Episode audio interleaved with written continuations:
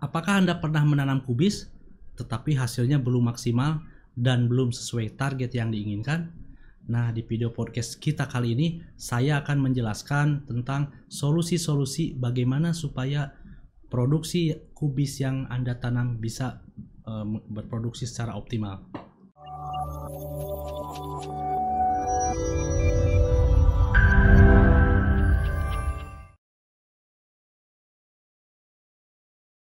Halo, selamat datang di channel YouTube kami, NPK Mutiara TV. Di channel ini, Anda akan mendapatkan informasi dan edukasi seputar pertanian, khususnya nutrisi tanaman. Tonton video-video kami, jangan lupa like video kami, subscribe, dan pentung tanda loncengnya untuk terus mendapat update dari kami. Halo sahabat Mutiara, kembali lagi bersama saya Yayan Wiandiana.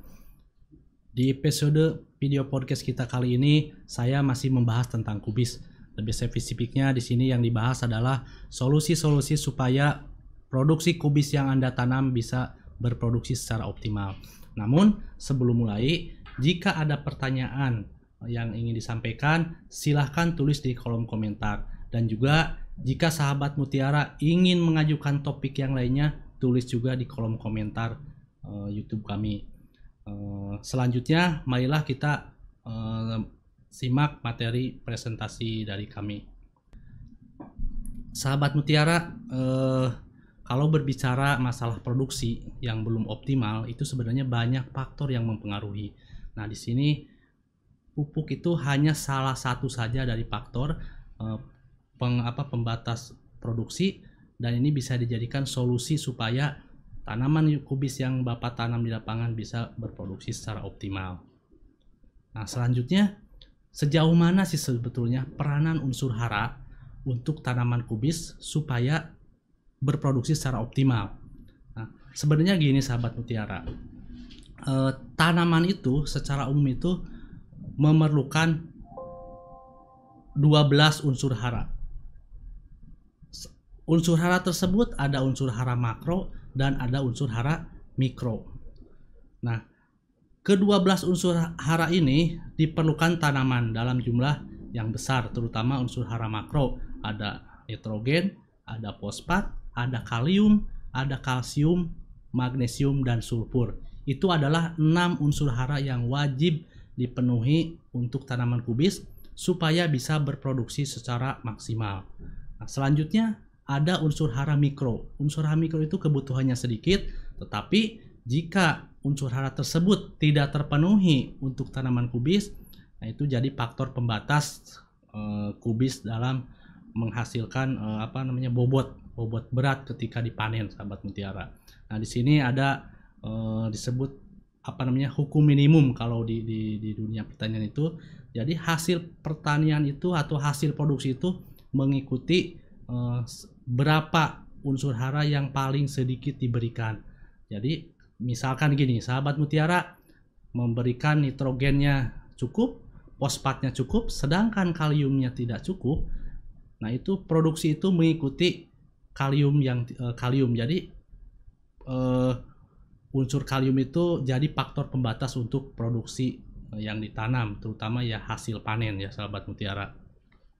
Nah selanjutnya untuk kubis. Nah, sebenarnya eh, kami dalam menentukan eh, berapa sebenarnya unsur hara yang dibutuhkan untuk tanaman, terutama di sini kubis, itu kami ada perhitungan eh, dasar perhitungan. Jadi ketika sudah tahu dasar perhitungannya itu seperti apa, baru kami bisa menentukan jadi unsur apa yang wajib diberikan untuk kubis ketika ada defisiensi atau kekurangan hara. Nah, biasanya untuk tanaman kubis ada namanya nutrien uh, nutrien removal atau nutrisi hara yang terangkut ketika panen. Nah, di sini sahabat mutiara bisa lihat untuk golongan kubis dari berbagai dari uh, kubis merah, ada uh, kubis putih, ada uh, savoy uh, kubis. Biasanya yang lebih dominan itu yang banyak terangkut itu adalah nitrogen dan kalium. Meskipun sebenarnya unsur P, terus unsur magnesium dan unsur yang lainnya itu perlu. Tetapi ini yang paling dominan adalah nitrogen dan kalium.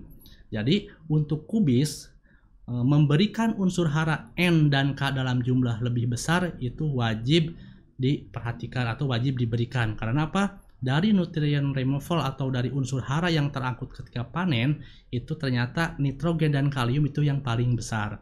Nah, ini ada beberapa literatur yang kami eh, kami dapat bahwa dari dua literatur ini sahabat mutiara bisa lihat dari yang paling atas itu memang uh, dari Krug et al 2002 uh, tahun 2002. Jadi nitrogen dan kalium itu memang paling banyak terangkut untuk semua golongan kubis. Terus yang bawah sama nitrogen dan kalium itu paling banyak dominan di apa di diserap oleh uh, kubis ketika panen. Nah, untuk kubis sendiri itu rata-rata berapa sih sebetulnya kebutuhan unsur hara makro primer ya? Makro primer itu NPK yang yang apa yang yang di yang dibutuhkan untuk kubis selama satu fase eh, satu musim atau satu fase pertumbuhan biasanya tuh kisaran nih kisaran ya sahabat mutiara untuk N-nya sendiri sekitar 180 sampai 200 kilo per hektar dalam bentuk N ya dalam bentuk nitrogen selanjutnya fosfatnya di kisaran 50 sampai 100 kilo dalam bentuk fosfat terus untuk kaliumnya 100 sampai 200 kilo uh, per hektar uh, kaliumnya. Jadi dari sini kita tahu bahwa ya nitrogen dan kalium itu yang dominan paling banyak diperlukan untuk tanaman kubis. Nah, selanjutnya uh, sejauh mana sih peranan unsur hara uh, unsur hara untuk pertumbuhan tanaman kubis? Nah, di, ini bisa jadi apa namanya? jadi uh, kita patokan seberapa besar kita memberikan nutrisi untuk tanaman kubis supaya hasilnya bisa lebih optimal. Sahabat mutiara, kubis itu ada tiga fase pertumbuhan penting di tanaman kubis itu. Yang pertama, biasa ada masa pertumbuhan. Masa pertumbuhan itu biasanya di tanaman kubis itu satu minggu sampai dua minggu setelah tanam. Itu masa pertumbuhan. Nah di sana perlu uh, asupan nutrisi yang banyak di sana perlu nitrogen yang lebih banyak, P-nya pun agak e, banyak, terus kaliumnya relatif lebih sedikit. Biasanya 1 sampai 2 minggu setelah tanam. Nah, selanjutnya yang kedua, ada masa disebut pertumbuhan cepat. Maksudnya pertumbuhan cepat itu di sana itu unsur hara itu diperlukan lebih banyak dari lebih banyak lagi. Karena di masa itu kubis persiapan untuk membentuk crop membentuk crop. Nah, di sana perlu uh, nitrogennya perlu uh, kaliumnya pun perlu. Karena kalium itu fungsinya nanti untuk ke bobot. Jadi di masa pertumbuhan cepat ini unsur hara yang diberikan relatif lebih banyak juga, lebih banyak terutama unsur kalium kalau untuk di kubis ya. Dan jadi nanti sahabat mutiara cari pupuk-pupuk yang kaliumnya tinggi di masa-masa uh, pas mau pembentukan crop ini. Biasanya di uh, pertumbuhan cepat saya nyebutnya atau di rapid growth ini usia sekitar 40 30 sampai 40-an lah, 40 30 40 sebulanan satu bulan di sana uh, kita usahakan uh, berikan unsur hara terutama kalium yang lebih besar. Tapi tanpa mengesampingkan unsur lainnya pun tetap diberikan. Nah, selanjutnya yang terakhir di kubis itu ada disebut masa paling-paling penting. Paling penting kenapa? Di sini adalah pas pembentukan crop atau head formation istilahnya. Jadi di pembentukan crop ini unsur hara yang diberikan itu jelas itu kalium yang harus lebih banyak. Kenapa harus kalium? Karena di masa pembentukan crop ini kubis itu memerlukan eh, supaya bobotnya lebih besar lah, lebih lebih berat. Jadi unsur kalium yang lebih banyak jelas diperlukan dalam jumlah porsi yang lebih besar. Tapi saya sekali lagi tekankan, tentu unsur hara yang lainnya pun tetap harus diperhatikan. Mau nitro, nitrogennya, fosfatnya, kalsiumnya, magnesiumnya, dan lain-lainnya. Oke, jadi di, eh, tujuannya pula eh, apa? Supaya cropnya lebih sehat. Jadi kalau cropnya sehat, terus eh, bobotnya berat, itu kan nanti produksi bisa lebih maksimal. Selanjutnya, sahabat mutiara, berbicara sebenarnya berapa banyak pemberian nutrisi untuk kubis supaya berproduksi secara maksimal. Tadi kan ada tiga fase itu, fase yang pertumbuhan, fase yang eh, apa di fase 30 sampai 40 hari setelah tanam, terus pas pas eh, pembentukan crop itu sebetulnya sebetulnya berapa banyak sih nutrisi yang diberikan untuk tanaman. Nah, pertimbangan yang dipakai dalam program pemupukan kubis ini kami ada sebenarnya ada ada dua dua pertimbangan. Yang pertama tadi ya fase pertumbuhan, removal nutrien ketika panen, terus pengalaman agronomis di daerah itu dan pengalaman petani juga tetap kami perhitungkan. Selanjutnya apa? Defisiensi hara, kekurangan hara, terus kondisi lahan dan kesuburan tanah dan tentu curah hujan pun tetap harus diperhatikan karena kita mupuk pun kalau misalkan nggak ada air kan ya percuma pupuk tidak akan terserap secara sempurna untuk tanaman. Nah, masih berapa banyak sih sebetulnya pemberian nutrisi yang baik untuk tanaman kubis supaya produksinya lebih maksimal dan optimal?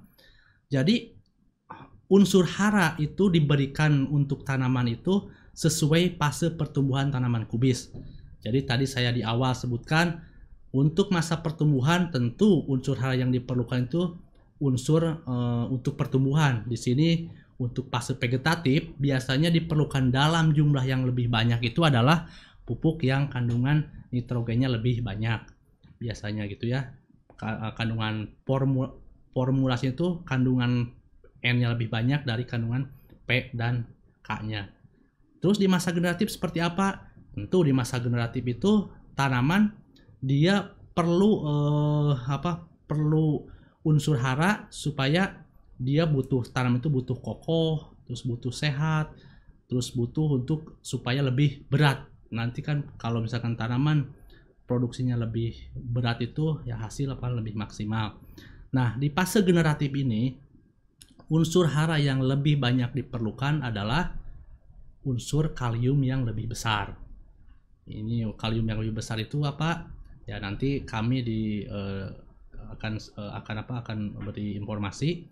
Nah, tapi tanpa harus mengesampingkan unsur lainnya juga ya. Jadi tetap nitrogen, fosfat itu masih perlu. Nah, cuman porsi yang terbesarnya adalah di pupuk yang unsur kaliumnya lebih banyak lebih tinggi lah gitu, lebih banyak gitu. Nah, itulah jadi di fase vegetatif dan generatif jelas penempatan atau segmentasi unsur uh, apa uh, pupuknya pun jelas berbeda untuk kubis ini. Selanjutnya, kita uh, kubis itu sebenarnya tidak hanya butuh unsur hara N, P, dan K. Jadi itu kan NPK itu tiga unsur hara makro primer ya. Ada satu unsur hara yang jelas diperlukan untuk kubis. Apa itu? Unsur hara makro sekunder. Salah satunya adalah pupuk kalsium. Nah, pupuk kalsium itu wajib diaplikasikan tiap fase pertumbuhan sahabat mutiara. Kenapa? kalau misalkan gini, kalau misalkan NPK, NPK itu kan nitrogen, fosfat dan kalium, itu unsur hara yang mobil di dalam tanaman. Artinya dia bisa berpindah dari jaringan ini. Misalkan di daun tua dia udah gugur, unsur N-nya itu bisa masih bisa terdistribusi ke uh, jaringan yang lainnya. Sedangkan unsur hara kalsium itu tidak bisa berpindah atau kalsium itu sifatnya imobil.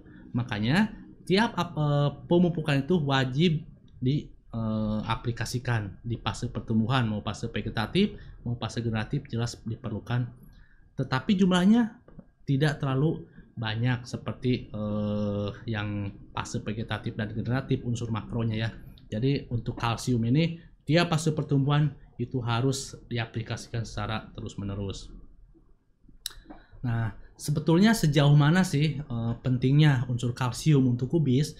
Nah jelas gini sahabat mutiara unsur makro makro pigmen itu jelas itu diperlukan dalam jumlah besar untuk tanaman. Karena dengan terpenuhnya unsur hara makro nitrogen fosfat dan kalium jelas produksi tanaman e, kubis yang anda tanam itu bisa berproduksi secara optimal tetapi ada unsur lain yang memang patut kita perhatikan juga yaitu adalah kalsium nah untuk kubis sendiri sebenarnya kalsium untuk apa jadi gini Kalsium di dalam jaringan tanaman itu kan saya sebutkan bersifat imobil, artinya tidak bisa berpindah dari daun tua ke pucuk eh, ke tunas atau ke pucuk ya atau ke daun muda. Nah, jelas itu. Terus kalsium juga berperan dalam menghambat gangguan penyakit. Nah, salah satunya bakterial spot itu bisa bisa menghambat ya. Ingat kalsium bukan mengobati, ini hanya menghambat perkembangan. Selanjutnya, asupan kalsium yang cukup bisa menghambat terjadinya tip burn. Tip burn itu biasanya di pucuk di pucuk itu ada di pucuk-pucuk eh, atau tunas tanaman kubis, kubisan ya, tip burn. Terus selanjutnya, kalsium berperan dalam kualitas crop. Nah, kualitas crop itu kan biasanya petani itu menginginkan crop yang apa? Yang enggak lembek, jadi dia padat. Nah, dengan asupan kalsium yang cukup, nanti kualitas crop itu bakal lebih baik. Terakhir, daya simpan. Nah, daya simpan itu berhubungan dengan seberapa banyak kalsium yang diberikan untuk tanaman kubis eh, bapak-bapak semuanya. Jadi, pemberian nitrogen, fosfat, kalium, kalsium itu jelas perlu ya, untuk tanaman uh, kubis yang bapak tanam di lapangan ya.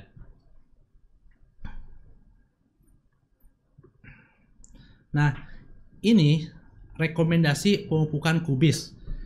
Ini sebenarnya acuan saja sahabat mutiara. Jadi rekomendasi pemupukan pemupukan tanaman kubis, tapi ini sistemnya sistem tabur ya, sistem tabur, sistem tabur. Untuk uh, di masa satu hari sampai tujuh hari setelah tanam, biasanya ya tadi saya sebutkan dia pertumbuhannya memerlukan N yang tinggi kan, N yang tinggi itu kami ada untuk sumber N tinggi ada Mutiara Sprinter. Dosisnya 100 kilo uh, per hektar.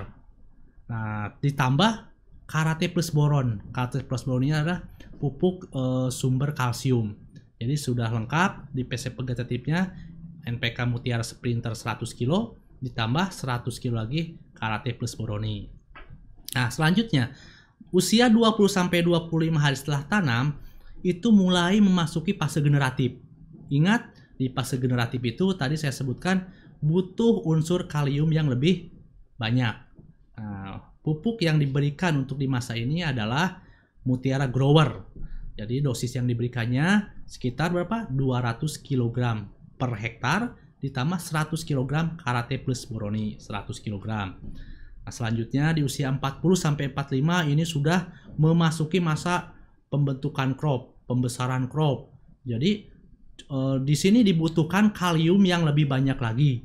Nah, di sini kami ada namanya pupuk uh, sebagai tambahan grower, Mutiara Grower ada pupuk konkaliboron. Saudara sahabat Mutiara bisa aplikasikan sekitar 200 kg Mutiara Grower ditambah 100 kg konkaliboron ditambah 100 kg Karate plus Buroni.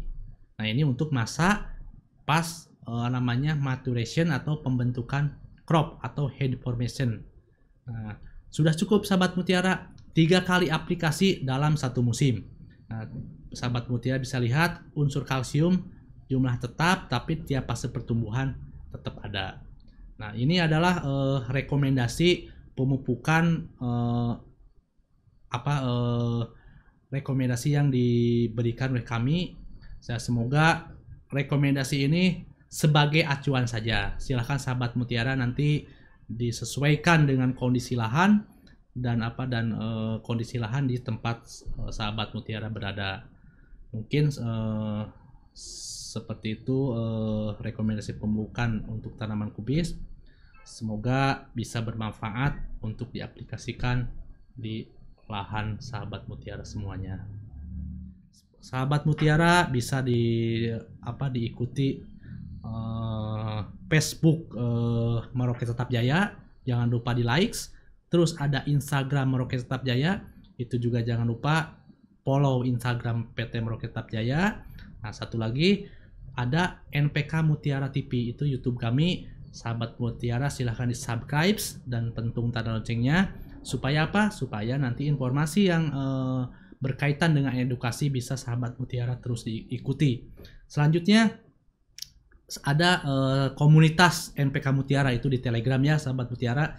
Jadi di sini sahabat mutiara bisa apa bisa berdiskusi berdiskusi seputar uh, pertanian. Jadi di sini sahabat mutiara silahkan berdiskusi seluas-luasnya. Satu lagi kami ada web web, web uh, npkmutiara.com. Nah, di sana sahabat mutiara informasinya bakal lebih lengkap.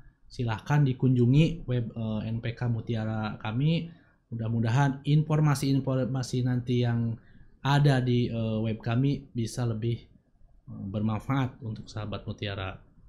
Jadi sahabat mutiara untuk mengoptimalkan uh, produksi tanaman kubis supaya bisa berproduksi secara optimal, uh, jadi sahabat mutiara harus penuhi semua kebutuhan unsur haranya. Meskipun saya garis bawahi bahwa unsur hara itu hanya salah satu faktor dari sekian banyak faktor yang bisa mempengaruhi atau faktor pembatas untuk produksi tanaman kubis. Nah, di sini saya tekankan kembali untuk kubis di masa vegetatif penuhi unsur nitrogen yang paling banyak. Artinya unsur N-nya porsinya lebih banyak daripada unsur P dan K. Selanjutnya di masa generatif penuhi kebutuhan kaliumnya yang lebih banyak. Artinya nitrogen, fosfat, kaliumnya itu porsi kaliumnya lebih banyak. Tentu ini pun sahabat mutiara harus eh, ingat juga bahwa kalsium juga begitu penting perannya peranannya untuk tanaman kubis.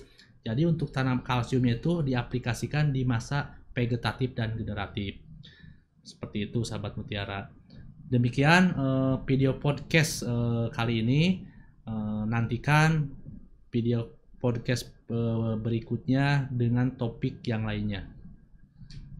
Jika ada pertanyaan, sahabat mutiara silahkan tulis di kolom komentar. Nah, dan jika video podcast ini dirasa bermanfaat, silahkan sahabat mutiara bagikan sebanyak-banyaknya di medsos sahabat mutiara. Dan jangan lupa subscribe uh, eh, NPK Mutiara TV dan pentung tanda lonceng supaya sahabat Mutiara semua bisa uh, mendapatkan informasi-informasi uh, yang lebih up to date dari video podcast kami. Stay healthy, jaga jarak, salam Mutiara.